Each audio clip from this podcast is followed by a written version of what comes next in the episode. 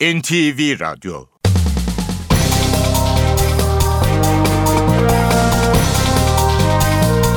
İşe Giderken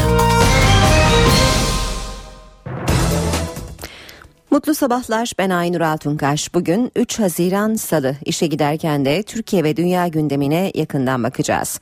Gündemin başlıklarıyla başlayalım. İstanbul'da dün öğleden sonra şiddetini artıran yağmur ve dolu hayatı olumsuz etkiledi. Üsküdar'da denizle kara adeta birleşti. Çok sayıda su baskını ihbarı yapıldı. Şiddetli yağış birçok kentte fırtına ile birlikte etkili oldu.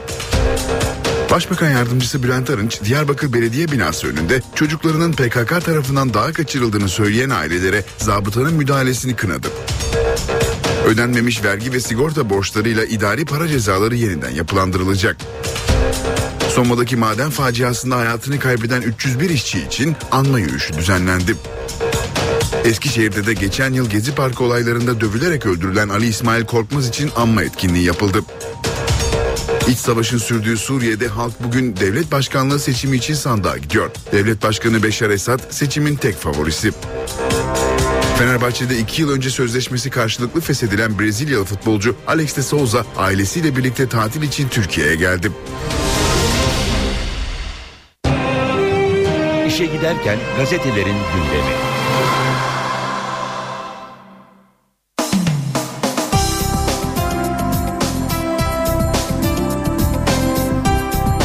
Hürriyet gazetesiyle basın özetlerine başlıyoruz. Ölüm kuryesi diyor Hürriyet manşette. Afganistan'da bir intihar eylemcisinin bomba yüklü motosikletiyle hedef aldığı minibüste 3 Türk öldü, bir mühendis de yaralandı. Başkent Kabil'e 130 kilometre mesafedeki Nangahar kentinde Emta İnşaat'ın polis merkezi inşası projesinde çalışan Türk işçi ve mühendisler dün sabah servis aracıyla iş yerine gidiyordu. Motosikletiyle yaklaşan intihar eylemcisi tam onların yanına geldiği sırada pimi çekerek ortalığı savaş alanına çevirdi. Minibüste bulunan proje müdürü Fuat Taş, mühendis Ümit Ünal ve ustabaşı Halil Gül yaşamını yitirirken araçtaki bir diğer Türk mühendis ve bir Afgan çocuk yaralandı. Saldırıyı üstlenen olmadı ancak Taliban şüphesi ağır bastı. Taliban ise biz Türkleri seviyoruz böyle bir eyleme bilerek asla yapmayız dedi.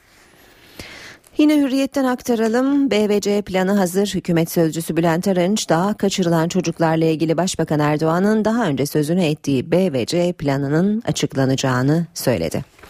Deniz minibüsü İstanbul'da sağanak yağış dün etkili oldu. Üsküdar'da çekilen bir fotoğraf dün de sosyal medyada sıkça paylaşılan fotoğrafı Hürriyet gazetesi de birinci sayfasında e, yayınlıyor. İstanbul'da dün yağan Sağanak ve dolu yüzünden birçok yerde su baskını meydana geldi. Trafik kilitlendi. Olayın boyutunu en güzel yansıtan fotoğraf Üsküdar Meydanı'nda çekilen ve Twitter'da yayılan kareydi. Söz konusu karede sanki deniz üzerinde giden bir minibüs ve hemen yanında bir vapur yer alıyor. Yalova onurlu duruş sergiledi. CHP Genel Başkanı Kemal Kılıçdaroğlu Yalovalılar bir kişiyi belediye başkanı seçtiler. Mazbatasını aldı, çalışmasına başladı. Sonra Ankara'dan seçim iptal edildi.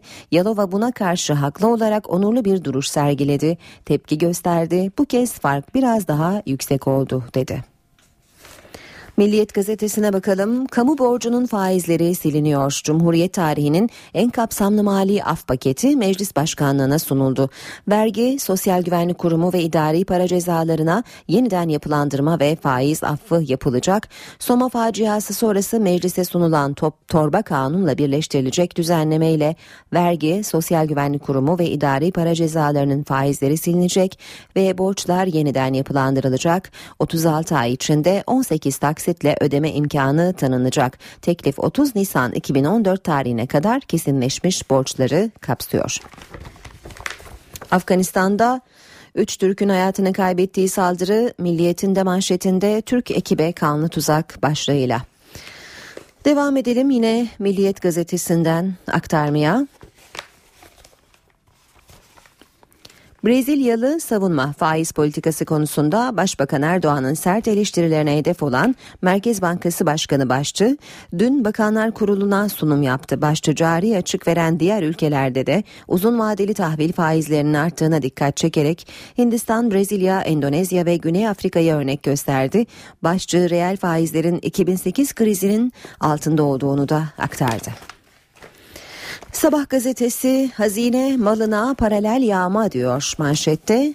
Gülen örgütünün okul ve yurt yapacağız diye kamudan devşirdiği milyarlık arazileri kendi vakıfları aracılığıyla tam bir ticarethaneye dönüştürdüğü ortaya çıktı. İstanbul'da dünkü sağanak yağış İstanbul'a Nuh uğradı başlığıyla sabahta yer buluyor. Devam ediyoruz. Cumhuriyet gazetesiyle. İmam dayatması manşeti var Cumhuriyet'te. Her öğrenci imam hatipli olsun anlayışındaki iktidarın sürekli sistem değiştirmesi bezdirdi. Liselere giriş için bu yıl getirilen TEOK modeli veli ve öğrencileri tedirgin etti. Anadolu liselerine yerleşemeyen öğrencilerin eve en yakın İmam Hatip ya da meslek lisesine yerleştirileceği açıklamasına tepki gösteren veliler o zaman her yere genel lise açılsın çocuklarımızın meslek ya da İmam Hatip liselerine gitmesini istemiyoruz dedi. 350 ilaç piyasada yok. Devlet üretici firma ve eczacı arasındaki iskonto sorunu hastanın ithal ilaçlara ulaşmasını engelliyor. Kanser başta olmak üzere kan ürünleri, kemoterapi, astım gibi kronik hastalıklarda kullanılan 350'ye yakın ithal ilaç piyasada bulunamıyor demiş Cumhuriyet haberinde. Devam ediyoruz. Ee, Gazetelerden haberlere Radikal Gazetesi dikkat sosyal baskı diyor manşette. İğneada'da yapılması planlanan termik santral için Orman Bölge Müdürlüğü ilginç bir tespit yaptı. Santralin Longoz Ormanları Milli Parkı'na 4600 metre uzaklıkta yapılacak olması sosyal baskı yaratır. İğneadalıların bilgi almak talebiyle başvurduğu Orman Müdürlüğü proje sahasının dört bir tarafının doğal orman olduğuna dikkat çekti. Buna rağmen müdürlük ÇED raporu vermeye sıcak bakıyor.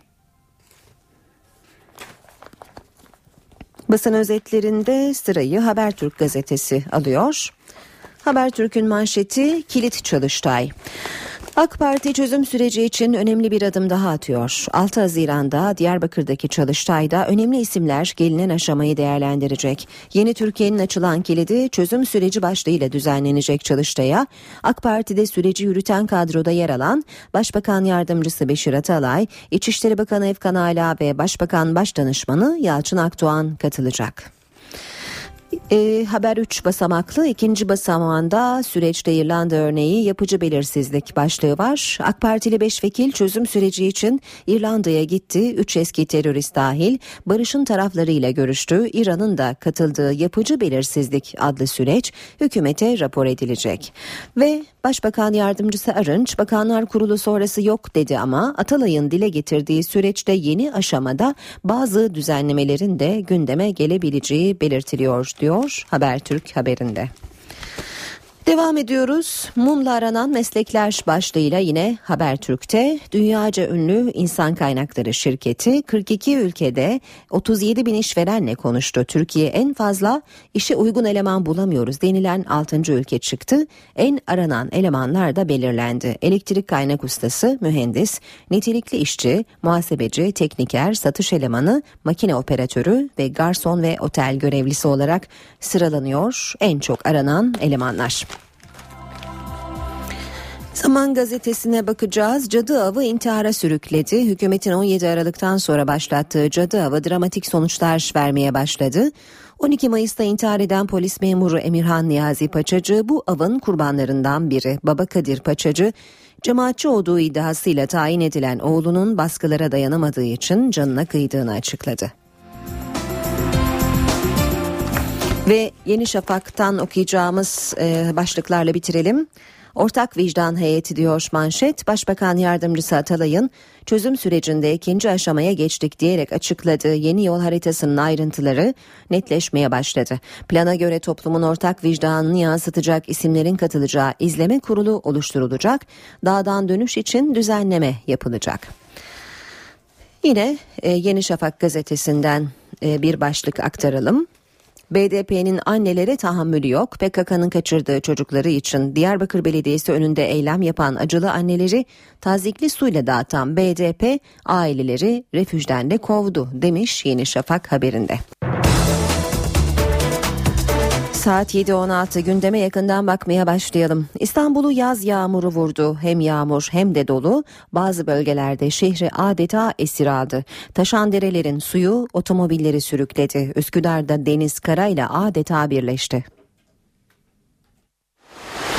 İstanbul'u yaz yağmuru vurdu. Şiddetli dolu yağdı. Tünelleri su bastı. Araçlar sular altında kaldı. Yağmur bazı bölgelerde öylesine şiddetliydi ki Üsküdar'da denizle kara adeta birleşti. O anların fotoğrafları sosyal medyada yer aldı. Batı Ataşehir'de tıkanan rögarlar nedeniyle biriken su yolları kapladı. Göreve giden bir ambulansla iki servis minibüsü ve çok sayıda araç mahsur kaldı. İş makinesinin müdahalesiyle sular çekildi. Kadıköy'deki Kurbağalı Dere sağanak yağış yüzünden taştı. Dere kenarında birçok ev ve iş yeri su altında kaldı. Suya kapılan bir otomobil sürüklendi. Esenler'de de aniden bastıran dolu ve sağanak yağış nedeniyle lokantada mahsur kalan iki kişi itfaiye tarafından kurtarıldı. Su tahliye çalışmaları Ataşehir'de gecede sürdü. Barbaros Mahallesi sakinleri kentsel dönüşüm çalışmalarının hızlanmasını istiyor. Masraf da yapmak istemiyoruz. Çünkü neden? 2 ay sonra yıkılacak diyorlar, 3 ay sonra yıkılacak diyorlar ve bizi yıllarca bu şekilde kandırıyorlar. Kesin tarih verilmiyor öyle mi? Hiçbir şekilde kesin tarih verilmiyor. Neden verilmiyor? Sözleşmeleri yaptılar, imzaları aldılar, daha milletin yüzüne bakmıyorlar. Sadece İstanbul değil şiddetli yağış tüm yurtta etkili oldu. Birçok kentte su baskınları yaşandı. Bazı şehirlerde yağmur fırtına ile birlikte geldi. Balıkesir'de öğle saatlerinde bastıran yağmur nedeniyle Aksakal ve Doğa mahallelerinde su baskınları yaşandı. Bandırma'da sağanakla birlikte fırtına da etkili oldu. Yozgat'ta yarım saat süren yağış yolları dere yatağına çevirdi. Kırklareli'nin Değirmencik köyünde dereler taştı. Çok sayıda evi su bastı. Bursa Bağlarbaşı mahallesinde kurulan pazar su altında kaldı. Bilecik'te ise yağmurla birlikte dolu da etkili oldu. Atatürk Bulvarı üzerindeki iş yerlerini su bastı. Alt geçitler suyla doldu. Edirne'de de selden çok sayıda araç mahsur kaldı. Emniyet Genel Müdürlüğü Özel Harekat Daire Başkanlığı'nın Ankara'daki eğitim alanına yıldırım düştü. Biri ağır 6 kursiyer yaralandı. 21 yaşındaki Ali Bıyık, 27 yaşındaki Zeynep Bozkurt ve 23 yaşındaki Gülay Yere Basmaz eğitim alanına inen helikopterle Atatürk Eğitim ve Araştırma Hastanesi'ne kaldırıldı. 3 kursiyer ise ayakta tedavi edildi. Ağır yaralanan Ali Bıyık'ın bilincinin kapalı olduğu, diğer kursiyerlerin ise durumunun iyi olduğu öğrenildi. Peki bu yağışlı hava daha ne kadar sürecek? NTV Meteoroloji Editörü Dilek Çalışkan yanıtlıyor. Haziran boyunca da en az 30-40 kentimiz ortalamanın çok üzerinde yağmur alacak. O yüzden Haziran boyunca su baskınlarına karşı tedbirli olmak gerekiyor. Türkiye Haziran ayı boyunca yağışlı. Yaz yağmurları sürecek. Su baskını tehdidi de var. Lodos'ta gelen ılık hava Karadeniz'den gelen o serin havayla karşılaştığı zaman çok şiddetli yağmurlara sebep olur. Kısa sürede şiddetli yağar yağmur. Yani miktar olarak birden bardaktan boşalırcasına yüksek miktarda yağış bırakır. Dolu yağışı da olur, ani fırtına da çıkar. Türkiye yeni bir yağışlı havanın etkisine girecek. Salı günü yağmur Trabzon, Rize, Artvin ve Erzurum'u içine alan doğudaki kentlerimizde var. Salı akşamı Marmara ve Ege bölgesi yeni bir yağışlı havanın etkisine giriyor ve bu yağışlı hava cumartesi gününe kadar kalacak. Ve İstanbul hafta sonuna doğru yağmur etkisini tekrar gösterecek. Çarşamba günü tekrar yağmur var. Salı gündüz fazla beklemiyoruz. Çarşamba akşam saatlerinde ve perşembe günü yine şiddetli yağmur var. İstanbulluları uyaralım. Tekrar dolu yağışı bekliyoruz. Ayrıca ani fırtına çıkabilir.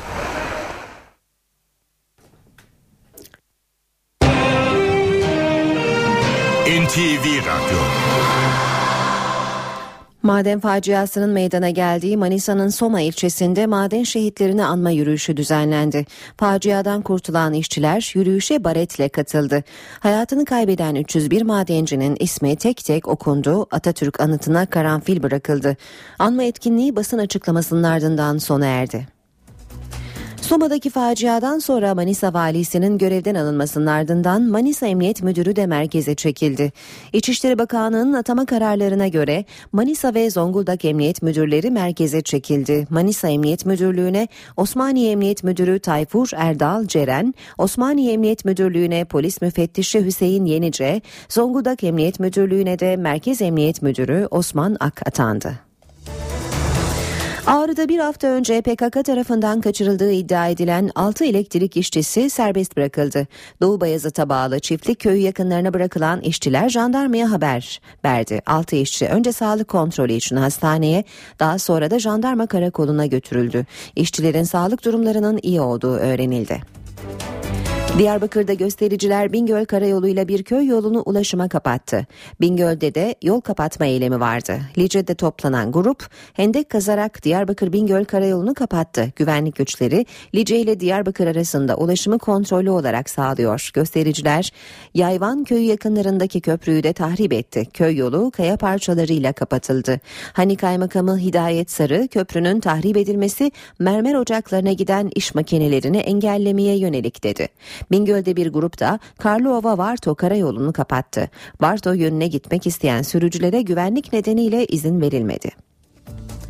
Başbakan Yardımcısı Bülent Arınç, Diyarbakır Belediye binası önünde çocuklarının PKK tarafından daha kaçırıldığını söyleyen ailelere zabıtanın müdahalesini sert sözlerle kınadı. Arınç çocukların kurtarılması için HDP'nin adım atması gerektiğini söyledi. Çözüm süreciyle ilgili yasal düzenleme hazırlığının olmadığını da kaydetti. Türkiye bu konuya odaklanmışken maalesef Diyarbakır Belediyesi gazetelerde de gördüğünüz şekilde bunları bu aileleri olduğu yerden kaldırdı. Diyarbakır Belediyesi'ni de başkanı da kınıyorum. Bu insanlar daha önce gezi eylemleri veya da çok daha öncesinde onların eylemlerine sıcak bakan insanların anne yüreği karşısında bu kadar duyarsız kalmasını ve adeta bu işin üstünün örtülmesini istemelerini ancak kınamakla ifade edebiliyorum. Bunların içerisinde 10 yaşında çocuklar olduğu gibi 17-18 yaşında lise öğrencisi veya üniversiteye bağlaş, başlamış gençler de var. Bu çok acı bir olay yani bir yürek arası. Bu da en çok gözleri İmralı'da veya kulakları Kandil'de olanlara düşer. Sayın Başbakanımızın ifadesi odur ki siz bu işi yapmazsanız B ve C planlarımızı uygulayacağız. Arınç'a Başbakan Yardımcısı Beşir Atalay'ın çözüm sürecine ilişkin somut yol haritası belirleniyor açıklaması da hatırlatıldı. Ancak hükümet sözcüsü sürece yönelik yeni bir yasal düzenleme hazırlığının olmadığını söyledi. NTV Radyo Geniş kapsamlı bir af paketi yolda. Vergi, sigorta prim borçları ve idari para cezaları yeniden yapılandırılıyor. AK Parti'nin meclise sunduğu yasa teklifi önümüzdeki günlerde torba yasa olarak komisyonda görüşülecek. Vadesi geldiği halde ödenmemiş vergiler ve sigorta primi borçları yeniden yapılandırılacak. Yapılandırma hakkı para cezaları için de geçerli olacak. 120 liraya kadar olan bazı cezalarsa tamamen silinecek. AK Parti Bursa Milletvekili Hüseyin Şahin kamu alacaklarının yeniden yapılandırılması ile ilgili bir yasa teklifini meclise sundu. 4 Haziran'da meclis komisyonunda görüşülecek torba yasayla birleştirilecek olan teklif 15 ayrı kamu alacağının gecikme faizi ve cezasının silinmesini öngörüyor. Teklife göre bu vergi ve cezaların ana parası enflasyona endeksli bir hesapla yeniden yapılandırılacak. Belirlenecek tutar 18 taksitte ödenebilecek. Düzenleme, motorlu taşıtlar, kurumlar ve gerçek kişilerin gelir vergisi borçlarıyla oy kullanmayan, sigara yasaklarına uymayan vatandaşların cezalarını kapsıyor.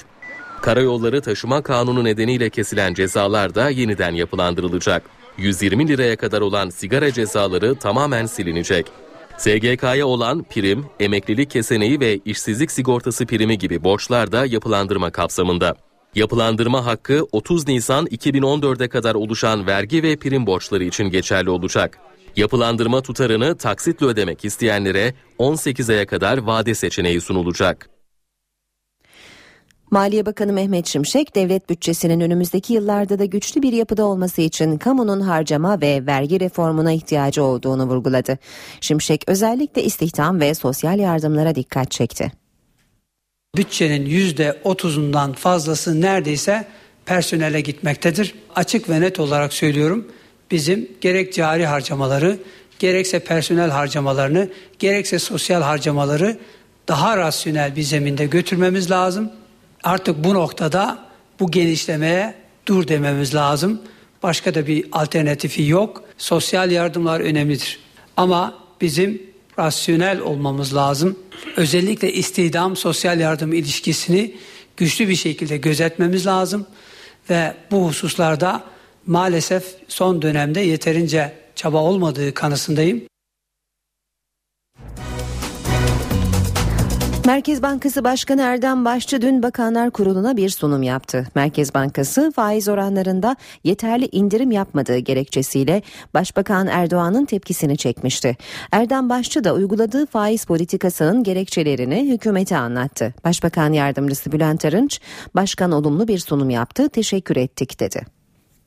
Merkez Bankası Başkanı Erdem Başçı Bakanlar Kurulu'na sunum yaptı. Ekonomideki gelişmeleri dört ana başlıkta anlattı. Para politikası başlığındaysa başbakanın eleştirdiği faiz uygulamalarına değindi. Başçı, reel faizlerin küresel kriz öncesi seviyenin altında olduğunu söyledi. Ölçülü ve sert faiz indirimlerinin ekonomik göstergeleri etkisini grafiklerle anlatan başçı, kısa vadeli faizlerdeki geçici sıkılaştırma enflasyonla mücadelede etkili bir araçtır dedi. Başçı sunumunun para politikası başlıklı bölümünde parasal sıkılaştırma tedbirlerinin beklenen sonuçları verdiğini söyledi ve parasal sıkılaştırmayla Türk lirasının hızla değer kaybetmesinin önlendiğini vurguladı. Başçının bir buçuk saatlik sunumuna hükümetin değerlendirmesini Başbakan Yardımcısı Bülent Arınç anlattı. Merkez Bankası Başkanı görevinin başındadır olumlu bir sunum yapmıştır. Bütün Bakanlar Kurulu üyesi arkadaşlarımız bu değerlendirmelere katılmıştır. Bu konuda söylenecek başka bir cümle veya kelime de mümkün değildir. Arınç, Merkez Bankası'nın bağımsızlığı esastır dedi. Bu konuda herhangi bir değişikliğin gündemde olmadığını vurguladı. Ne bir kanunda değişiklik yapma tasarısı veya teklifi ne de bir başka anlama gelebilecek bir çabanın içerisinde değiliz. Herkes görevini iyi bir şekilde yapmaya çalışıyor. Başbakanın faizlerin düşürülmesine ilişkin talebinin yeni olmadığını hatırlatan Arınç, faizlerin düşmesi yatırımcının iştahını kabartır. Ancak Merkez Bankası'nın bağımsızlığına müdahale edecek değiliz dedi. Cumhuriyet Halk Partisi Genel Başkanı Kemal Kılıçdaroğlu köşk seçimleri için başlattığı turlarına dün sendikalarla devam etti. CHP lideri amaçlarının herkesi kucaklayacak bir aday çıkarmak olduğunu söyledi. Seçilecek Cumhurbaşkanının herkes tarafından işte bu benim cumhurbaşkanım olabilir diyeceği bir kişi olmasını arzu ediyoruz. Türkiye'de bu koşulları taşıyan çok kişi var. Bu adayları önünüze getireceğiz ve sizden o aşamada da ayrıca gelip destek isteyeceğiz. Türk İş, Disk ve KES genel başkanlarıyla bir araya gelen Kılıçdaroğlu nasıl bir aday istediklerini sordu. Görüşlerini aldı. Toplumu kucaklayan bir cumhurbaşkanına ihtiyaç var dedi. Kılıçdaroğlu, partisinin Ankara Büyükşehir Belediye Başkan adayı Mansur Yavaş'ın köşk adaylığım toplumdaki gerilimi azaltır açıklamasını değerlendirdi. İsim bazında şu ana kadar hiçbir değerlendirme yapmadık. Yapmamaya da özen gösteriyoruz. Önce ilkeler üzerinde bir anlaşma sağlayalım diye temaslarımızı sürdürüyoruz. Kılıçdaroğlu köşk turlarına 10 Haziran'dan itibaren siyasi partilerle devam edecek. AK Parti'ye gitmeyecek olan CHP liderinin MHP'ye iade ziyaret gerçekleştirebileceği belirtiliyor. CHP lideri HDP, BBP, SP, DP genel başkanlarıyla bir araya gelecek. CHP'nin adayının 20 Haziran'dan sonra açıklanması bekleniyor. Milliyetçi Hareket Partisi Genel Başkanı Devlet Bahçeli de çatı aday turlarına devam ediyor. Bahçeli işçi, işveren ve memur temsilcileriyle görüşecek. Bahçeli çatı aday turlarına bu akşam Parlamenterler Derneği ziyaretiyle devam edecek. Yarın da Türkiye Esnaf ve Sanatkarlar Konfederasyonu'nu ve Türk İş'i ziyaret edecek. Perşembe günü de Ziraat Odaları Birliği Başkanı, Kamusen Başkanı ve Türkiye Odalar ve Borsalar Birliği Başkanı ile bir araya gelecek. İstanbul'da dün öğleden sonra şiddetini artıran yağmur ve dolu hayatı olumsuz etkiledi. Üsküdar'da denizle kara adeta birleşti. Çok sayıda su baskını ihbarı yapıldı. Şiddetli yağış birçok kentte fırtınayla birlikte etkili oldu. Başbakan Yardımcısı Bülent Arınç, Diyarbakır Belediye binası önünde çocuklarının PKK tarafından dağa kaçırıldığını söyleyen ailelere zabıtanın müdahalesini kınadı. Ödenmemiş vergi ve sigorta borçlarıyla idari para cezaları yeniden yapılandırılacak. Soma'daki maden faciasında hayatını kaybeden 301 işçi için anma yürüyüşü düzenlendi.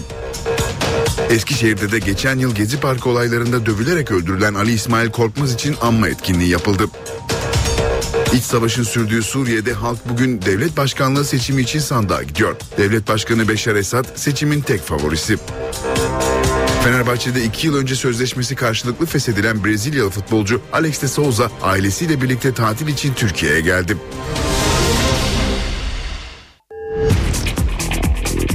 Spor haberleri başlıyor.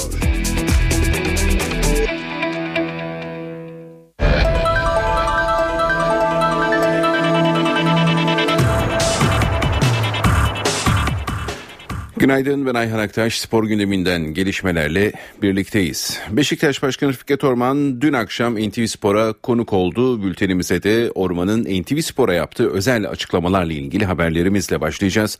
Ronaldinho artık Beşiktaş'ın kapısından geçemez. Bu sözler Beşiktaş Başkanı Fikret Orman'a ait. Orman hem Ronaldinho ile ilgili gelişmeleri hem de kulübün dış transfer gündemini anlattı. Beşiktaş Ronaldinho'ya kapılarını kapattı. NTV Spor canlı yayına konuk olan Başkan Fikret Orman, ara transfer döneminde gündeme aldıkları Brezilyalı yıldızın hala kendilerine haber gönderdiğini ancak bu transferin artık mümkün olmadığını söyledi. 50 defa haber yolluyor geleyim tekrar diye. Kapısından geçeceğiz Beşiktaş'ın. 50 defa haber mi gönderiyor? Tabii kapısından geçirtmem Beşiktaş'ın. Beşiktaş büyük kulüp. Olur mu böyle şey? Yani geleceksiniz siz görüşmek isteyeceksiniz. Menajeriniz gelecek filan. Cuma gününe kadar son teklifinizi bekliyoruz diyecek. Beşiktaş kulübü teklif yapacak. Perşembe günü gitti Beşiktaş'ın da parayla alakalı konuştuğunuzun yarı parasına Brezilya'ya dayı. Niye geldiniz buraya? Biz gitmedik size. Niye geldiniz? Niye konuştunuz? Nedir amacınız? Yani nedir? 4-5 oyuncu transfer etmeyi planladıklarını belirten Orman, Dembaba'nın adaylardan biri olduğunu dile getirdi.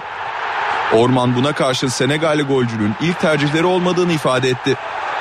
Dembaba ile alakalı kamuoyu çok büyük bir beklenti içerisinde sokuluyor. Anlaştınız mı? Yok böyle bir şey. E, Dembaba'nın kronik bir sakatlık problemleri var.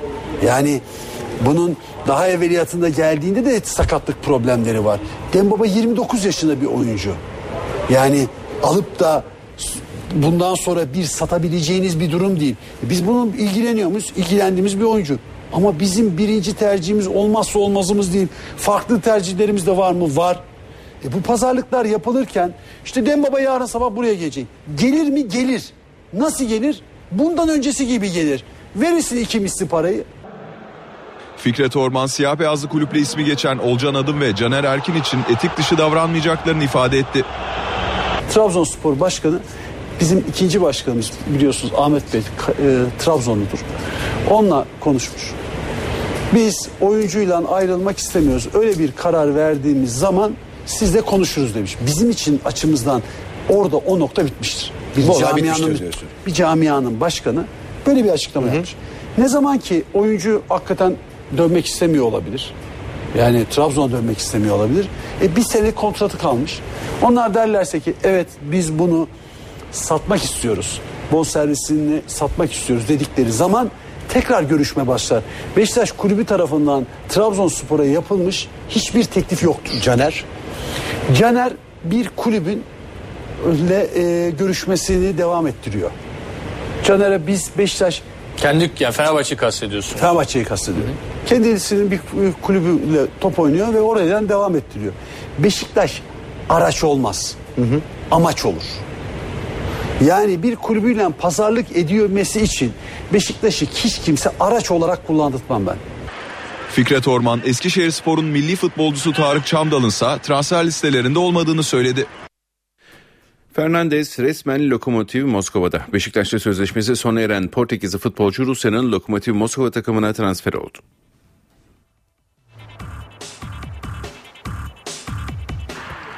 Manuel Fernandes Rusya'nın Lokomotiv Moskova kulübüyle sözleşme imzaladı. Portekizli futbolcunun kaç yıllık mukaveleye imza attığı ve alacağı ücret açıklanmadı. Fernandes Rus ekibinde gelecek sezon 4 numaralı formayı giyecek. Lokomotiv Moskova Sportif Direktörü Kiril Kotov imza töreni sonrası yaptığı açıklamada Fernandes'in mükemmel tekniği ve yüksek futbol zekası olduğunu dile getirdi. Kotov, bu transferle orta alanımızdaki yaratıcılığımızı güçlendirmiş olduk. Fernandes'in lokomotif gibi bir atak oyunu getireceğine eminiz. Bu da Avrupa için çok önemli dedi. Galatasaray Burak Yılmaz ve Selçuk İnan'dan sonra kaleci Fernando Muslera'nın sözleşmesini de uzattı. Uruguaylı file bekçisi 2018'e kadar sarı kırmızılı takımın kalesini koruyacak. Önceliği iç transfere veren Galatasaray, Burak Yılmaz ve Selçuk İnan'ın sözleşmelerini 2019'a kadar uzattıktan sonra kaleci Fernando Muslera ile de kontrat yeniledi. Sarı Kırmızılı Kulüp, Uruguaylı kalecinin 2016'da bitecek sözleşmesinin şartlarının değiştirilerek 2018'e kadar uzatıldığını açıkladı. Galatasaray'dan borsaya gönderilen yazıda Muslera'nın sarı kırmızılı eldivenleri giyeceği 4 yıl boyunca toplam 13 milyon 200 bin euro garanti ücret ödeneceği açıklandı. Muslera ilk yıl için 15 bin, sonraki 3 yıl içinde 20 bin euro maç başı ücret alacak. Brezilya'da yapılacak Dünya Kupası'nda Uruguay milli takımının kalesini koruyacak olan 28 yaşındaki Fernando Muslera 3 yıldır forma giydiği Galatasaray'da 101 lig olmak üzere 122 resmi maça çıktı. 12 sarı, 2 de kırmızı kart gördü. Trabzonspor yaz döneminin ilk transferini Elazığ Spor'dan yaptı. Bordo Mavililer, Serdar Gürler ve Deniz Yılmaz'ı renklerine bağladı. Yeni sezon için transfer çalışmalarına hızlı bir giriş yapan Trabzonspor kadrosuna iki yeni isim kattı. Bordo Mavili Kulüp Elazığ Spor'la yapılan görüşmeler sonunda Serdar Gürler ve Deniz Yılmaz'ın transferlerini gerçekleştirdi. Trabzonspor Kulübü iki futbolcunun transferi konusunda anlaşma sağlandığını borsaya bildirdi. Yapılan açıklamada Elazığ Spor Kulübü'ne Serdar Gürler ve Deniz Yılmaz'ın bonservisleri için toplam 9 milyon Türk lirası ödeneceği duyuruldu. Daha önce Serdar Gürler'le anlaşan ardından da Deniz Yılmaz'la el sıkışan Trabzonspor transfer döneminin resmen başlayacağı 10 Haziran'dan sonra iki oyuncu için imza töreni düzenleyecek. Elazığ spor forması altında geride kalan sezonda 28 maça çıkan 26 yaşındaki forvet oyuncusu Deniz Yılmaz attığı 12 golle dikkatleri üzerine çekmişti. Orta saha oyuncusu Serdar Gürler ise Elazığ spor formasıyla çıktığı 31 maçta bir gol attı. Eskişehir Spor hakkında UEFA tarafından başlatılan disiplin soruşturmasının duruşması İsviçre'de yapıldı. Savunma yapan Eskişehir Spor Başkanı Mesut Hoşcan, inanıyorum ki UEFA Tahkim Kurulu anlattıklarımızın doğruluğuna inandı dedi ve ters bir kararda kasa gideceklerini açıkladı. UEFA'nın Eskişehir Spor Kulübü'ne karşı açtığı soruşturmanın duruşması İsviçre'nin Lyon kentinde yapıldı. UEFA tarafından 2011 yılındaki şike davası kapsamında 21 Mayıs çarşamba günü Eskişehir Spor aleyhinde açılan soruşturmada kulüp başkanı Mesut Hoşcan, ikinci başkan Ahmet Yalçın, kulüp CEO'su Mehmet Çetin, yönetim kurulu üyesi Mustafa Cem Toker, kulüp avukatı Oytun Süllü ve İsviçre Barosu'ndan Alexis Schwab savunma verdi. Hoşcan duruşma sonrası yaptığı açıklamada hukukçularımız güzel bir savunma yaptılar. İnanıyorum ki UEFA Tahkim Kurulu anlattıklarımızın doğruluğuna inandı diye konuştu. Kararın hafta sonu açıklanacağını belirten Hoşcan, Eskişehir Spor'un ceza almasıyla ilgili hiçbir somut bir olay yok. Ne yönetici bazında ne de başka bir şekilde. Artık yeni yönetim olarak yolumuza devam etmek istiyoruz. Olası bir ters durum karşısında kasa gideceğimizden de herkesin haberi var dedi. UEFA Eskişehir Spor'un savunmasını yeterli bulmazsa kulübün Avrupa kupalarına katılmasına tedbir koyarak dosyayı disiplin kuruluna sevk edecek. Bu gelişme sonrasında da Eskişehir Spor'un para cezası alması gündeme gelebilecek. UEFA 21 Mayıs'ta Eskişehir Spor'un yanı sıra Sivas Spor'a da disiplin soruşturması açmıştı. Hemen hatırlatalım UEFA'nın hakkında soruşturma açtığı Sivasspor Kulübü de bugün saat 11'de savunma yapacak. İsviçre'nin Lyon kentindeki duruşmaya kulüp başkanı Meçhunot Yakmaz ve kaleci Korcan Çelikay katılacak. Fenerbahçe'de uzun bir süre futbol yaşantısını sürdüren ancak sözleşmesi 2 yıl önce karşılıklı feshedilen Brezilyalı futbolcu Alex de Souza ailesiyle birlikte tatil için Türkiye'ye geldi. Sao Paulo'dan İstanbul'a gelen de Souza ailesi Atatürk Havalimanı'nda yakın arkadaşı tercüman Samet Güzel ve bir grup taraftar tarafından karşılandı. Arkadaşlarıyla hasret gideren Alex de Souza'nın Türkçe sohbet etmesi dikkat çekti. Alex ve ailesi ikamet adresindeki sorun nedeniyle bir süre Atatürk Havalimanı Pasaport Büro Amirliği'nde beklemek zorunda kaldı. Alex sorunun giderilmesinden sonra havaalanından ayrıldı. Şampiyonlar Ligi'nde geçtiğimiz sezonun rüya takımı belli oldu. UEFA Teknik Çalışma Grubu geçtiğimiz yıl Devler Ligi'nde forma giyen en iyi 18 futbolcuyu açıkladı. UEFA Teknik Çalışma Grubu Şampiyonlar Ligi'nde forma giyen futbolcular arasından 2013-14 sezonunun en iyi takımını seçti. Açıklanan 18 kişilik kadroda Şampiyonlar Ligi şampiyonu Real Madrid'den 7 futbolcu kendisine yer buldu. Devler Ligi'nde oynadığı 13 maçta kalesinde yalnızca 8 gol gören Real Madrid'de savunma hattının 3 ismi Dani Carvajal, Pepe ve Sergio Ramos UEFA'nın listesinde yer aldı. Şampiyonlar Ligi'nin diğer finalisti Atletico Madrid'den Diego Godin ve Bayern Münih'ten Filip Lam da UEFA Teknik Çalışma Grubu'nun seçtiği en iyi savunma oyuncuları arasına girdi. Alex Ferguson'ın başkanlık ettiği çalışma grubu yılın en iyi kalecilerini ise Courtois ve Manuel Neuer olarak belirledi.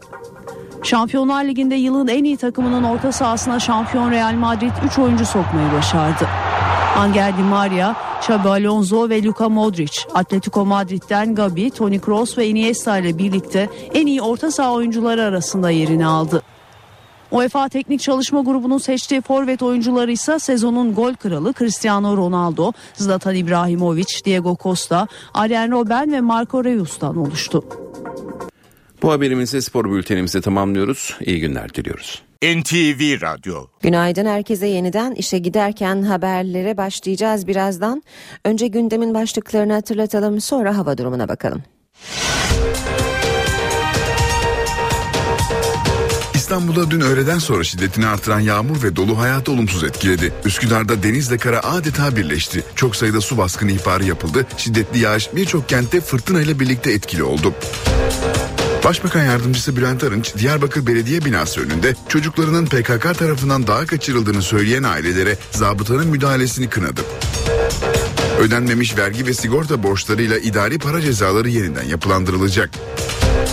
Soma'daki maden faciasında hayatını kaybeden 301 işçi için anma yürüyüşü düzenlendi. Eskişehir'de de geçen yıl Gezi Parkı olaylarında dövülerek öldürülen Ali İsmail Korkmaz için anma etkinliği yapıldı. İç savaşın sürdüğü Suriye'de halk bugün devlet başkanlığı seçimi için sandığa gidiyor. Devlet Başkanı Beşar Esad seçimin tek favorisi. Fenerbahçe'de iki yıl önce sözleşmesi karşılıklı feshedilen Brezilyalı futbolcu Alex de Souza ailesiyle birlikte tatil için Türkiye'ye geldi. Hava durumu tabii herkes merak ediyor. Gökhan Abur hoş geldiniz. Günaydın. Merhaba hoş bulduk günaydın. Ee, bugün sosyal medyada dün konuşulan, dün yayınlanan bir fotoğrafı konuşuyoruz. Üsküdar'da çekilmiş bir fotoğraf. Sağanak yağış anında adeta kara ile denizin birleştiği ni görüyoruz, e, Evet. gördük. Dolu ile beraber oldukça şiddetli ve sü- süreli yağdı. E, eskiden biz doluları kısa e, yağışlar olarak bilirdik ama sanki dün biraz uzun sürdü. Ya da bize öyle geldi. İstanbul'u çok olumsuz etkiledi. Yurdun birçok bölgesinde de fırtına ile beraber yağış hayatı etkiledi. E, bugün nasıl olacak yurdumuzda hava? Şimdi isterseniz şöyle başlayayım çünkü kararsız günleri yaşamaya devam ediyoruz. Aslına bakarsanız bu tip havaları biz e, Nisan, Mayıs ve Ekim, Kasım aylarında görmeye alışık olur, olduğumuz hava koşulları bunlar.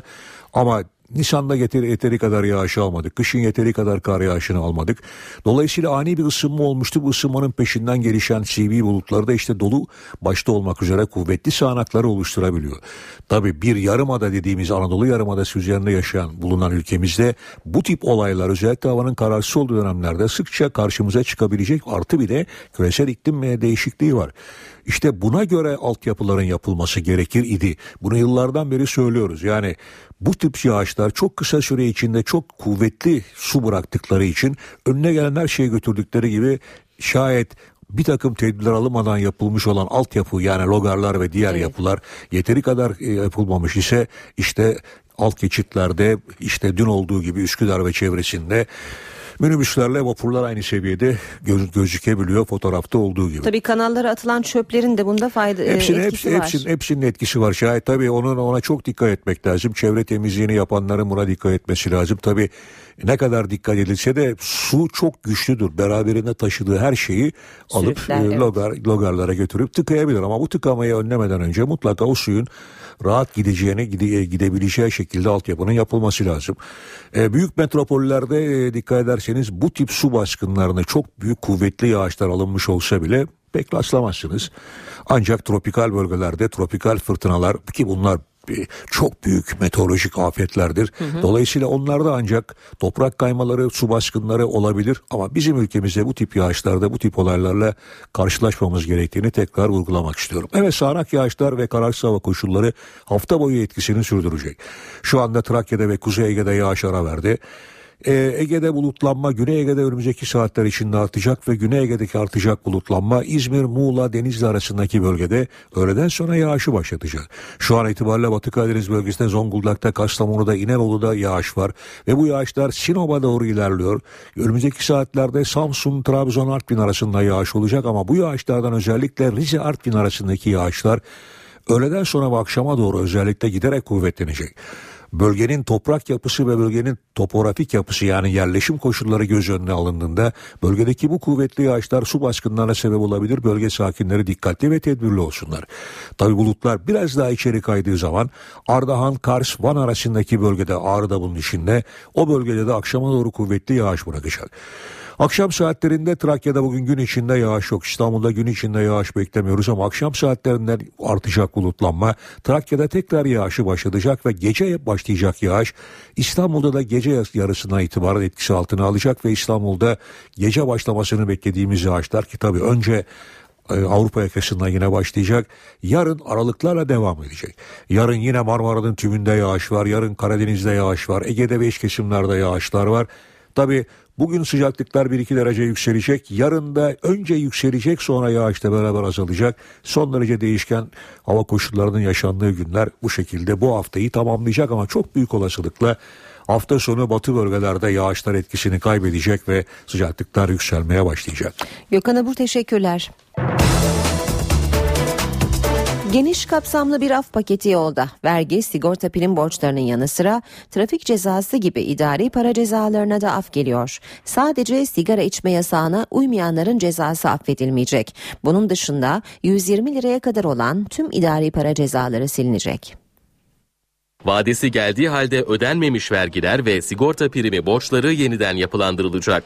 Yapılandırma hakkı para cezaları için de geçerli olacak. 120 liraya kadar olan bazı cezalarsa tamamen silinecek. AK Parti Bursa Milletvekili Hüseyin Şahin, kamu alacaklarının yeniden yapılandırılması ile ilgili bir yasa teklifini meclise sundu. 4 Haziran'da meclis komisyonunda görüşülecek torba yasayla birleştirilecek olan teklif, 15 ayrı kamu alacağının gecikme faizi ve cezasının silinmesini öngörüyor. Teklife göre bu vergi ve cezaların ana parası enflasyona endeksli bir hesapla yeniden yapılandırılacak. Belirlenecek tutar 18 taksitte ödenebilecek. Düzenleme, motorlu taşıtlar, kurumlar ve gerçek kişilerin gelir vergisi borçlarıyla oy kullanmayan vatandaşların cezalarını kapsıyor. Karayolları Taşıma Kanunu nedeniyle kesilen cezalar da yeniden yapılandırılacak. 120 liraya kadar olan sigara cezaları tamamen silinecek. SGK'ya olan prim, emeklilik keseneği ve işsizlik sigortası primi gibi borçlar da yapılandırma kapsamında. Yapılandırma hakkı 30 Nisan 2014'e kadar oluşan vergi ve prim borçları için geçerli olacak. Yapılandırma tutarını taksitle ödemek isteyenlere 18 aya kadar vade seçeneği sunulacak. İstanbul'u yaz yağmuru vurdu. Hem yağmur hem de dolu bazı bölgelerde şehri adeta esir aldı. Taşan derelerin suyu otomobilleri sürükledi. Üsküdar'da deniz karayla adeta birleşti. İstanbul'u yaz yağmuru vurdu. Şiddetli dolu yağdı. Tünelleri su bastı. Araçlar sular altında kaldı. Yağmur bazı bölgelerde öylesine şiddetliydi ki Üsküdar'da denizle kara adeta birleşti. O anların fotoğrafları sosyal medyada yer aldı. Batı Ataşehir'de tıkanan rögerler nedeniyle biriken su yolları kapladı. Göreve giden bir ambulansla iki servis minibüsü ve çok sayıda araç mahsur kaldı. İş makinesinin müdahalesiyle sular çekildi. Kadıköy'deki Kurbağalı Dere sağanak yağış yüzünden taştı. Dere kenarında birçok ev ve iş yeri su altında kaldı. Suya kapılan bir otomobil sürüklendi. Esenler'de de aniden bastıran dolu ve sağanak yağış nedeniyle lokantada mahsur kalan iki kişi itfaiye tarafından kurtarıldı.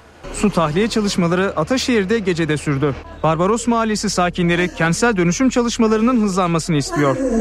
Masraf da yapmak istemiyoruz. Çünkü neden? 2 ay sonra yıkılacak diyorlar, 3 ay sonra yıkılacak diyorlar ve bizi yıllarca bu şekilde kandırıyorlar. Kesin tarih verilmiyor öyle mi? Hiçbir şekilde kesin tarih verilmiyor. Neden verilmiyor? Sözleşmeleri yaptılar, imzaları aldılar, daha milletin yüzüne bakmıyorlar.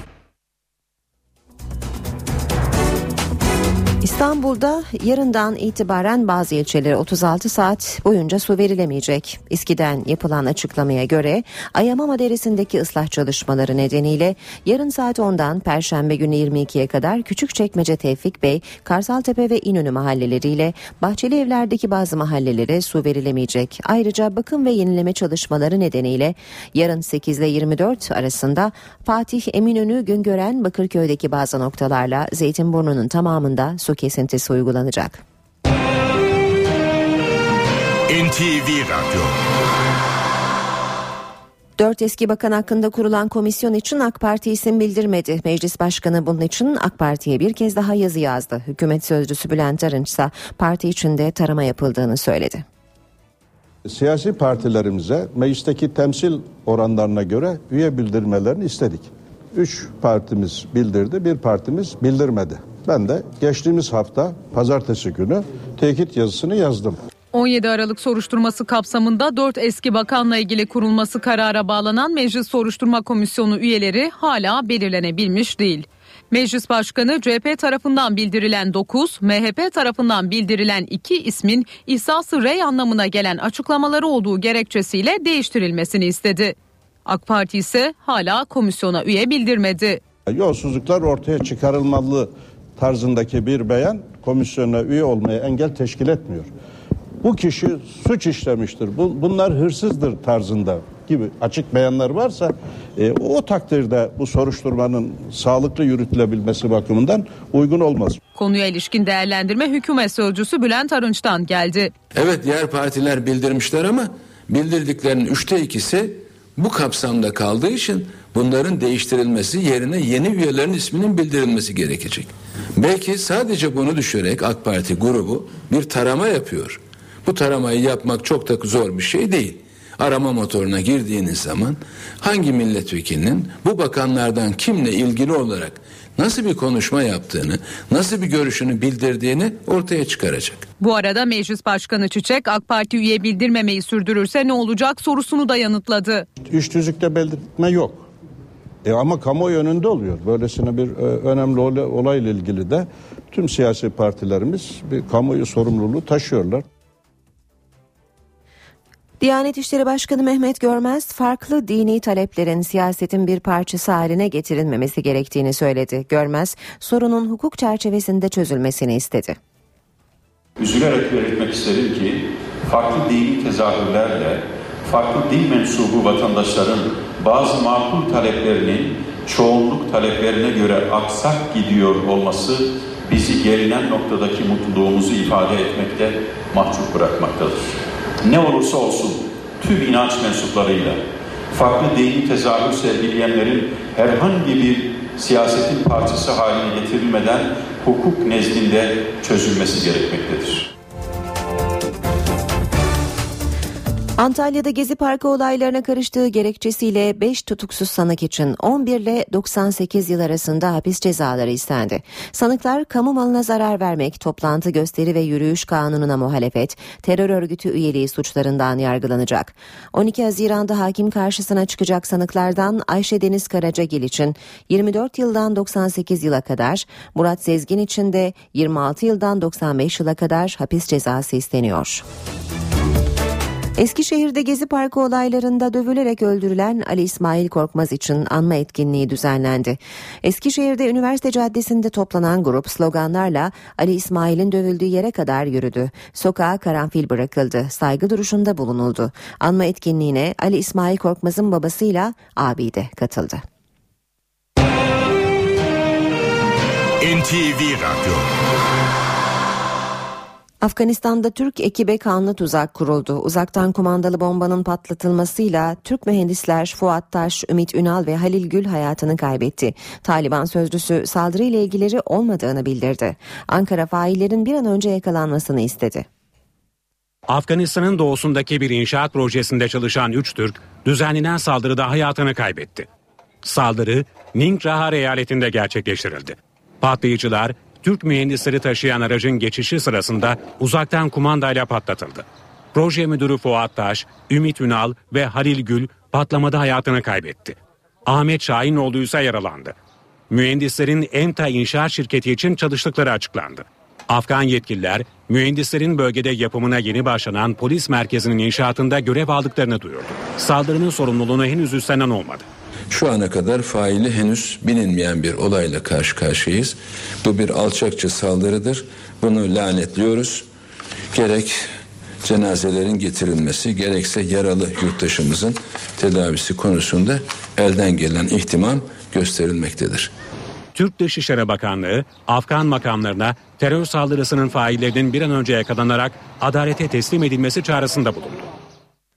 Suriye'de halk bugün devlet başkanlığı seçimi için sandığa gidiyor. Silahların susmadığı ülkede devlet başkanı Beşar Esad seçimin tek favorisi. Muhalifler boykot hazırlığında. Seçimlerde Beşar Esad'ın yanı sıra milletvekili Mahir Haccar ve iş adamı Hasan El Nuri de yarışıyor. Geçen yıl Türkiye'den Yunanistan'a 900 bin turist gitti. Bu sayıyı arttırmak için harekete geçen Yunanistan Büyükelçiliği vize işlemlerini kolaylaştırmak ve hızlandırmak için bir aracı kurumla anlaştı. Yeni sistemle Yunanistan vizesi için başvurular artık Büyükelçilik ya da konsolosluklara değil aracı kuruma yapılacak. NTV Radyo Başkent gündemiyle e, devam ediyoruz. Özgür Akbaş var bugün karşımızda. Özgür günaydın. Günaydın Aynur. Bugün hangi başlıkları takip edeceksiniz Özgür? Aynur bugün günlerden salı. Bu yüzden e, tüm dikkatler Türkiye Büyük Millet Meclisi'nde olacak. Siyasi parti liderleri gündeme ilişkin gelişmeleri grup toplantılarında değerlendirecekler. Muhalefet partisi liderlerinin özellikle Cumhurbaşkanlığı seçim sürecine ilişkin yaptıkları oturların ayrıntılarını bugün grup toplantılarında anlatmaları bekleniyor. Ama bugün gözler Başbakan Recep Tayyip Erdoğan'da olacak. Çünkü Erdoğan bugün çok önemli bir ayrıntıyı açıklayacak. Geçen hafta PKK tarafından çocukları kaçırılan ve Diyarbakır'da eylem yapan e, anneleri selamlamıştı Başbakan Erdoğan. HDP'ye çağrı yapmış gidin getirin demişti. Eğer getirmezseniz B ve C planımız devreye girer ifadesini kullanmıştı. Tabii herkes o B ve C planı nedir bunu merak ediyor. Acaba bir operasyon mu gündemde sorusu da beraberinde gelmişti. İşte bu sorunun cevabı bugün alınacak gibi gözüküyor. Bugünkü grup toplantısında Başbakan Erdoğan B ve C planını açıklayacak gibi gözüküyor. Bugün mecliste komisyonların e, bir hayli yoğun gündemi var. E, Sanayi, Ticaret ve Enerji Tabi Kaynaklar Bilgi ve Teknoloji Komisyonu toplanacak. E, maden işçilerin 43 yaşında emekli olmalarına imkan veren 45 saat olan haftalık çalışma süresini 36 saate indiren yeni maden yasası bir torba kanunu aslında bu. Bu düzenleme komisyonun önünde olacak 61 maddelik tasarı bu. Bu tasarıyla birlikte gerçekten önemli düzenlemelerde hayata geçecek. Özellikle maden işçilerini yakından ilgilendiren bir düzenleme. Başkentin bugün iki önemli konu olacak. Ankara Türkmenistan Devlet Başkanı ve Kırgızistan Cumhurbaşkanı'nı ağırlayacak. İki isim de hem Cumhurbaşkanı Abdullah Gül hem Başbakan Erdoğan'la bir araya gelecek. Cumhurbaşkanı Abdullah Gül Türkmenistan Devlet Başkanı ile Başbakan Erdoğan ise Kırgızistan Cumhurbaşkanı ile kameraların karşısına geçecekler ve ortak bir basın toplantısı düzenleyecekler. Bugün başkentin gündemindeki ana başlıklardan bir tanesi hiç şüphesiz Cumhurbaşkanlığı seçim süreci olacak. Muhalefet turlarına devam ediyor. Ee, Bahçeli, MHP lideri Devlet Bahçeli bugün de Parlamenterler Derneği'ni ziyaret edecek çatı aday formülü kapsamında görüş alışverişinde bulunması bekleniyor. Son not ekonomi cephesinden olsun. Türkiye İstatistik Kurumu bugün Mayıs ayı enflasyon rakamlarını açıklayacak. Aynur. Özgür teşekkürler. Özgür Akbaş başkent gündemini aktardı. Ekonomi başlığıyla devam edelim ve şimdi sözü Profesör Doktor Güngör Uras'a bırakalım. Ayşe teyze ne yapsın? Güngör Uras, Ayşe teyze ekonomide olan biteni anlatıyor. Merhaba sayın dinleyenler, merhaba Ayşe Hanım teyze, merhaba Ali Rıza Bey amca. Ülkemizde 20 milyon 220 bin hane var. İnsanların tek başlarına veya başkalarıyla birlikte barınma ihtiyaçlarını karşıladıkları ve yaşamlarını sürdürdükleri mekanlara konuta hane adı veriliyor. Yaşanan mekanın büyüklüğü, küçüklüğü, gece kondu veya apartman dairesi olması önemli değil. Önemli olan bir kişinin tek başına veya başkalarıyla birlikte bir mekanda yaşaması. Aralarında akrabalık bağı bulunsun ya da bulunmasın. Aynı konutta veya aynı konutun bir bölümünde yaşayan, temel ihtiyaçlarını birlikte karşılayanların tümüne hane halkı deniliyor. Bir hanede tek kişi tek başına yaşıyor ise o kişiye tekli hane halkı adı veriliyor. İşte bu tanımlara göre tekli ve çoklu olarak ülkemizde toplam 20 milyon 220 bin hane halkı var. Hane halkımızın %20'si tek katlı binalarda, dikkat buyurunuz. Hemen hemen beşte biri tek katlı binalarda, %32'si iki veya üç katlı binalarda, %25'i 4 ve 5 katlı binalarda, %23'ü ise 6 ve daha yüksek katlı binalarda yaşıyor. Son yıllarda TOKİ desteğiyle inşa edilen yüksek katlı binalar nedeniyle herhalde yüksek katlı binalarda yaşayanların sayısı da artmış olmalı.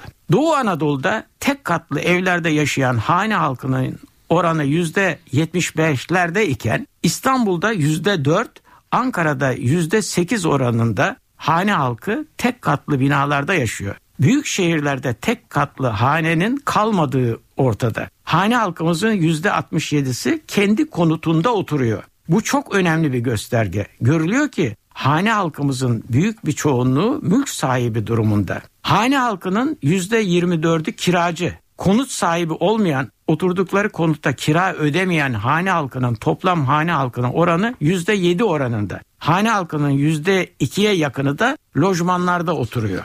Yani kira vermiyor. Hane halkının yaşadığı konutların yüzde 22'si 10 yıldan daha az yaşı olan binalar. Yani yeni inşa edilen binalar. Şimdilerde hane halkının yaşadığı konutların Batanoğlu'da yüzde 97'sinin suyu, tuvaleti ve banyosu var. Doğu Anadolu'da bu oran yüzde 75'e geriliyor. Hanelerin yüzde 37'si kalorifer ile yüzde 57'si odun, kömür veya doğal gaz sobasıyla ısınıyor. Unutmayınız sayın dinleyenler bir zamanlar Türkiye'de gece kondu sorunu vardı. Şimdilerde gece kondudan daha az söz ediyoruz. Hanelerde yaşayanların yaşam şartları gizerek daha iyileşiyor. Bir başka söyleşi de birlikte olmak ümidiyle şen ve esen kalın sayın dinleyenler.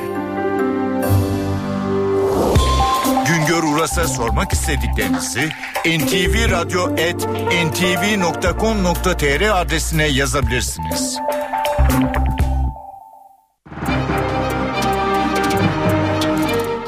BIST endeksi dün %0,81 oranında değer kaybederek 78.648 puandan kapandı. Bu sabah dolar 2 lira 10 kuruş, euro 2 lira 86 kuruştan işlem görüyor. Euro dolar 1.36 dolar yen 102 düzeyinde. Altının onsu 1244 dolar, kapalı çarşıda külçe altının gramı 84, çeyrek altın 149 liradan satılıyor. Brent petrolün varili 109 dolar. Emrah Kayalıoğlu'yla işe giderken spor. Sporun gündemiyle beraberiz bu kez. Emrah Kayalıoğlu yanımızda. Günaydın. Artık yavaş yavaş geri sayımına geçtiğimiz Dünya Kupası'na da e, programlarımızda neredeyse tamamen ağırlığımızı vermeye başlayacağız. Evet. Yani sporun gündeminde elbette birçok olay var. E, yani önümüzde bir basketbol final serisi başlıyor.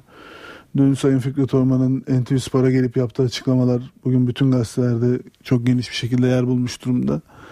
Ee, Burak Yılmaz'ın e, Zeytinburnu Belediyesi ziyaretinde söyledi söylemedi. Ee, belediyenin bültenine göre söylediği sonra kendisinin Twitter'dan yaptığı açıklamaya göre söylemediği sözler de geniş e, yer bulmuş ama e, biz artık yavaş yavaş konsantrasyonumuzu Dünya haberlerimizi Kupası'nın Dünya Kupası'na çeviriyoruz. Peki şimdi e, isterseniz A grubuyla başlayalım ne dersiniz? ya da- Başlayalım yani bir önce bir e, özet geçelim. Yani önemli birkaç not var tabii kupayla ilgili söylenmesi gereken. E, 32 takım mücadele edecek. Kendi kıtalarındaki elemelerden, e, farklı e, statülerden, farklı organizasyonlardan bazıları kıtalar arası playoff oynayarak mesela bugün konuşacağımız Meksika gibi bazıları kendi kıtaları içinde playoff oynayarak bazıları doğ- doğrudan gruplardan gelerek bir de ev sahibi olarak Brezilya direkt katılarak e, final vizesi alan o 32 takım arasındalar. E, yani Güney Amerika'daki kupalarda bugüne kadar Avrupa takımlarının hiç şampiyonluğunun olmaması Evet. e, belki de e, bu kupayı yani bu Brezilya'da düzenlenecek bu Dünya Kupası ile ilgili en ilginç notlardan biri. E, ev sahipleri her zaman için bir artıları vardır. E, yani o güne kadar elde etmedikleri başarıları elde edebilirler ev sahibi oldukları dönemlerde. E, yani örneğin Meksika iki çeyrek final oynamıştır Dünya Kupası tarihinde. E, ikisi de ev sahibi olduğu kupalardadır. Hı. 1970 ve 1986. Ee, onun dışında tamam son dönemde üst üste ikinci turlar görmüştür eyvallah ama çeyrek final başarısını elde ettiği kupalar kendi ülkesinde düzenlediği kupalar olması e, ev sahiplerinin her zaman ne bileyim işte en son e, 2002'de Güney Kore'nin yarı finale kadar gelmesi ki o yolculuğu sırasında İtalya ve İspanya maçlarında özellikle e, hakem hataları ciddi tartışmalara yol açmıştı. E, yani Ev burada da- sahibinin avantajı var her zaman için. her zaman var. Bu kupada bir özelliği var bence ev sahibinin. Hem avantajı hem de dezavantajları var. Onu Brezilya'ya ge- geçtiğimizde konuşuruz zaten yavaş yavaş da geçelim. Hı hı.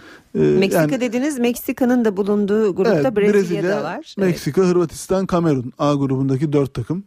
Ee, Brezilya tabii şimdi ev sahibi ve bu kupayı en çok kazanan takım.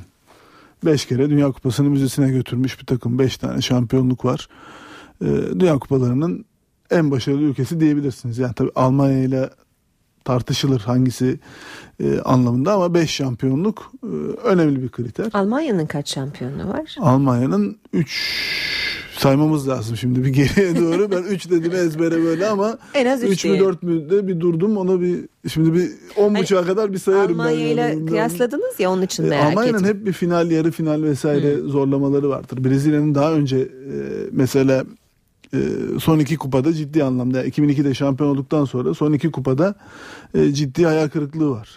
Brezilya bacağının. E, 2002'den önce e, de yine aynı şekilde e, 86 şampiyon yok 86 Arjantin 82 yani öyle ondan önce de bir e, duraklama Hı hı. dönemleri vardı. Yani 98'de final oynadılar. Almanya daha 94 istikrarlı Amerika'yı demek. aldılar. E, ama öyle geriye doğru gittiğinizde bir sıkıntıları oluyor. E, yani Almanya'nın daha böyle üst turlara ne yapar eder çıkar dediğiniz bir takımdır Almanya. E, ama yani Brezilya sonuçta 5 şampiyonluk o apayrı bir şey. Yani 5 şampiyonluk dediğiniz zaman akan sular durur. E, işte dediğim gibi sonuncusu 2002'deydi. Ondan sonra da kupalarda 2006 ve 2010'da çok futbol olarak da sonuç olarak da göz doldurduklarını söylemek güç. Ee, ama bu 12 yıllık süreçte yani 2002'den buraya 2014'e kadar olan dönemde de e, Konfederasyon Kupası'nda 3 şampiyonluk elde ettiler. Copa Amerika'da 2 şampiyonluk elde ettiler. Ee, yani her zaman için dünya futbolunun dünyada futbol dendiğinde akla ilk gelen ülkedir zaten. Evet. Ee, başlarında teknik direktör olarak Scolari var. Ee, yardımcısı tanıdık bir isim Pereira teknik Hı hı. ekipte. Ee, ya oyunculara baktığınızda e, bir kere ön taraf zaten her zaman önemli oyuncuları vardır Brezilya'nın ama bu defa ciddi anlamda bir savunma da e, ve kale savunma orta alan oralar o kadar kuvvetli ki daha ön tarafa gelmeden bir yeni yıldızla karşı karşıya Evet. kalıyorsunuz ve kafanız karışıyor zaten. Bu ne biçim kadro dedirtiyor insanlara. Bu Ee, yıl da yine bahsettiğiniz kademeler Evet. çok kuvvetli. Yani oralar yani bu, bu kupada özellikle savunma attı. Yani kalesinde Julio Cesar var. Zaten en önemli kalecilerden biri şu anda dünya futbolunun. Ee, savunmanın bekleri e, işte Dani Alves bir tarafta Barcelona'nın en önemli ofansif Evet. güçlerinden biri. Marcelo sol bekte Dünya e, Şampiyonlar Ligi finaline oyuna girip damga vuran oyuncu oldu. Oyun kaderini değiştiren oyuncu oldu. Ee, savunmanın e, göbeği deseniz işte David Luiz gibi bugün e, yani genç yaşında e, önemli noktalara gelmiş Barcelona tarafından istenen bir futbolcu. E, Thiago Silva Barcelona'nın niye almadım diye başını duvarlara vurduğu Paris Saint Germain'in kaptığı bir futbolcu. E, orta alanda fizik olarak nispeten ufak tefek görünseler de işte Oscar'lar, Ramirez'ler e, gibi isimler E, ama e, son derece mücadeleci ve e, yani hem mücadeleci hem teknik kapasiteleri yüksek futbolcular. E, yani baktığımızda o tarafları işte saya saya bitiremediğimiz bir yıldızlar topluluğu. Ön tarafa geldiğinizde de işte Neymar, Hulk, Fred diyorsunuz ve e, yani tamam belki bir Fred'le ilgili nereden çıktı bu adam denebilir. Evet dünya çapında, dünya futbolunda kariyer olarak e, yani o en üst düzeye pek e, kapağı atamamış Hı bir hı. isimdir. Ama Neymar Ee, var diğer tarafta. Evet yani Neymar var, Hulk var. Ee, yani zaten Neymar e, dediğimiz gibi yani Brezilya'nın şu anda e, altın çocuğu. Ee, Çok yani korkulacak bir takım olmuş e Brezilya. tabii böyle baktığınızda yani muhteşem bir takım aslında. Evet, hakikaten. Gerçekten muhteşem bir takım ama şimdi geliyoruz o avantajı ve dezavantajı dediğimiz bölüme. Ee, bir e, konfederasyon kupasında biraz onunla baş ettiler. Hatta ikisiyle birden baş ettiler. O Maracana'nın e, uğursuzluğu mu diyelim artık. E, be- 1950 Dünya Kupası'nda 200 bine yakın seyirci önünde Uruguay'a finalde kaybettikleri stattır. E, yani e, o statla ilgili bir ne diyeyim Kötü yani anısı mı vardı kötü diyelim? anı vardı. Biraz stat yenilendi. e, baştan aşağı ve son konfederasyon kupası ile birlikte de artık o büyüyü kırdılar diyelim. Ama işin bir başka tarafı konfederasyon kupası boyunca da bu yaşandı. E, Dünya kupası ile ilgili e, bir toplumun yani Brezilya toplumu halkının bir kesiminde çok ciddi eleştiri, öfke hatta öfke boyutunda tepki var. Ee, yani bunu konfederasyon kupasında da gösterilerde e, görmüştük protestolar sırasında. Stada mı tepkileri var? Tam anlayamadım. Harcamalara. Hmm. Yapılan harcamaların e, daha böyle e, toplumsal hizmetlere, toplumun bütün kesimlerine e, Evet, bu protestolar bir süredir devam ediyor zaten. Protestolar var. Konfederasyon kupası boyunca devam etti bu gösteriler. E, zaman zaman e, hatta takımın bundan olumsuz etkilenebileceği de çok konuşuldu. E, takım ona rağmen şampiyonluğa yürüdü. Ama şimdi Dünya Kupası'nın başlarken bu daha da yoğun bir şekilde devam edecek gibi duruyor. O protestolar ve tepkiler bir öfke var çünkü ciddi anlamda ekonomik anlamda bu statlara harcanan Dünya Kupası için harcanan paranın çok daha e, ihtiyacı olan toplumun çok daha ihtiyacı olan kesimlerine sağlık hizmeti, eğitim hizmeti, e, ulaşım hizmeti gibi bütün toplumu ilgilendiren e, alanlarda harcanması gerektiği yönünde düşünceler ve bu yönde gösteriler var. Şimdi bu tepkiyle takım baş edebilecek mi? Takım biraz sallandığı anda sallanırsa ne olacak? O tarafı merak konusu. Bugüne kadar Brezilya özellikle 82, 86, 90, 90, 98, 2002, 2006, 2010 son 8 kupada her zaman ilk iki gruptaki ilk iki maçını oynayarak, oynadıktan sonra çıkmayı garantilemişti. En son 78'dir. Ee, Arjantin'deki kupadır. Üçüncü maça kalması grup yani grupta ilk tur grubundan çıkışının üçüncü tura kalışı ki o zamanlar 16 takımla yapılıyordu daha kuvvetliydi gruplar şimdi nispeten daha kolay. Ee, bu gruptan ben hiç zorlanmadan yola devam edeceklerini düşünüyorum. O anlamda bir şey yok zaten. Evet. Kafalarda bir soru işareti yok. Ee, sadece bir sonraki turda B grubu ile eşleşmede e, grup sıralamalarına göre hem Brezilya'nın hem öbür taraftaki sıralamaya göre bir İspanya ihtimali var. O biraz e, herhalde FIFA'nın da istemediği bir eşleşme Hmm. olacaktır olmasını biz de istemeyiz o kadar erken erken. E, onun dışında e, Meksika'ya gelirsek e, Orta Amerika elemelerinden geliyor. E, dediğimiz gibi işte 70 ve 86 çeyrek finali kupa tarihindeki en önemli başarıları. E, ama bir çok defansif oynuyorlar şu kadrosu. Çok defansif bir takım. E, 5-3-2 diyebileceğimiz bir düzenle oynuyorlar. E, Orta alanda Montes ayağı kırıldı. Gelemiyor kupaya. Forvet'te Carlos Vela gibi bir önemli bir isim daha yok.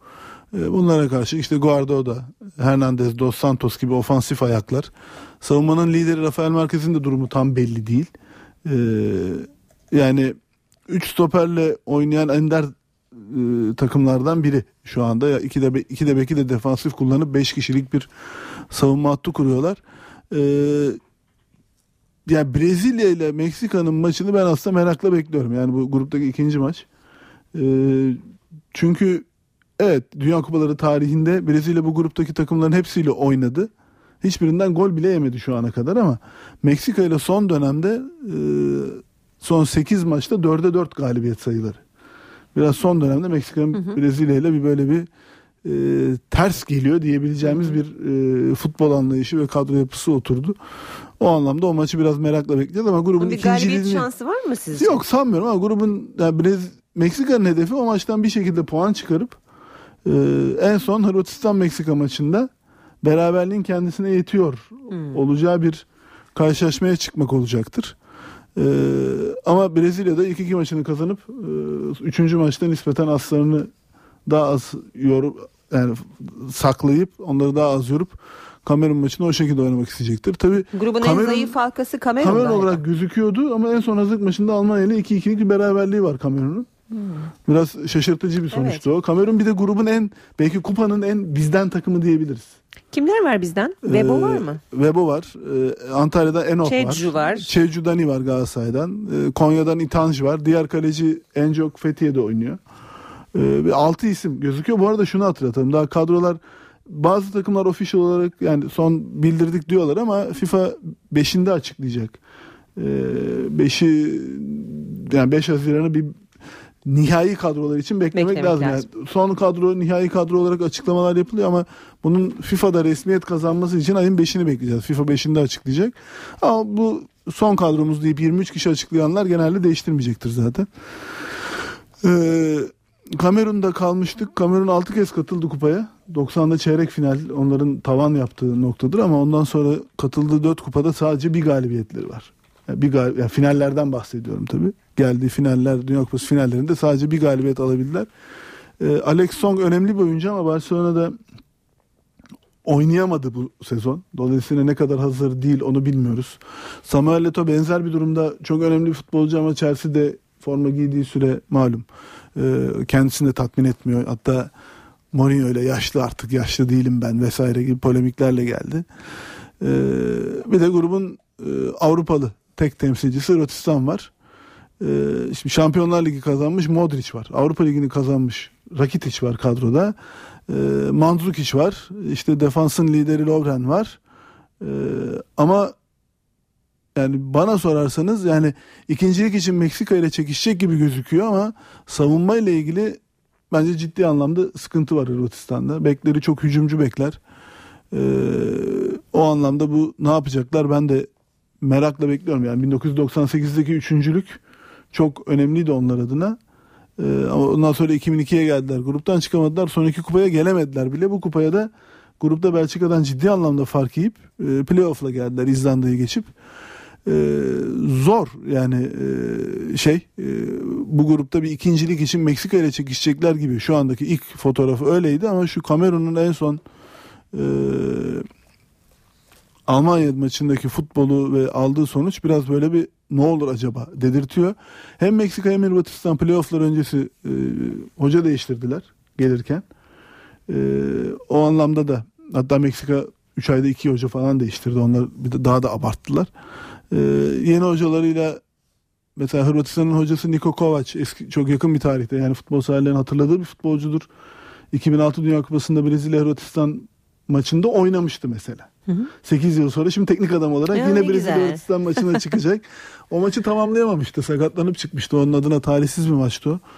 Ee, belki bir böyle bir kariyeriyle ilgili bir telafi fırsatı olabilir. Olabilir. ilk Brezilya Hırvatistan maçı. Açılış maçı o zaten kupanın.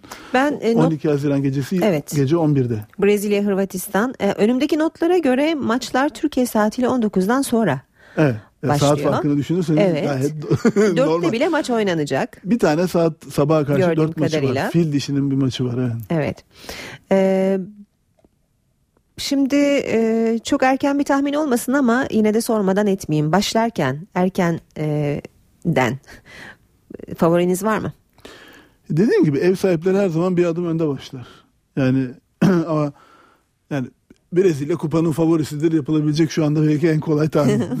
Peki sürpriz böyle, yapabilecek. böyle noktalarda bence bir kere e, yani bir dört tane bir yarı finalist adayını bir kafadan bir belirlemekte fayda var. O dördünün de ondan sonra e, yani şampiyonluk şansı vardır zaten. Brezilya, Şimdiden Almanya, İspanya diyorum zaman ben. iki maç kalıyor geriye. Yarı final final. Yani orada artık her şey olur. Evet. Ama e, yani İspanya, İtalya, Almanya, Hollanda bu dört Avrupa takımının en fazla ikisi görür orayı bence. Hmm. E, yani Almanya ve İspanya belki. ben İtalya diyorum. Öyle mi? Ben İtalya diyorum. İspanya'nın yarı final göremeyeceğini tahmin ediyorum yani. E, bir tane daha Güney Amerika takımı eklenecek oraya. Uruguay Brezilya'nın yanına Arjantin ya da Uruguay gözüküyor. Şili'ye de yani Şili çeyrek final e, görecek gibi gözüküyor. Oradan ötesini yapar mı? Bekleyip Bilmiyorum. göreceğiz. Evet. Peki e, bugünlük de bu kadar. Yarın yine görüşeceğiz. Ama bugün önce Ha ben 10.30 10.30'da. 10.30'da tekrar görüşmek üzere diyorum ben. de. evet şimdilik hoşçakalın. NTV Radyo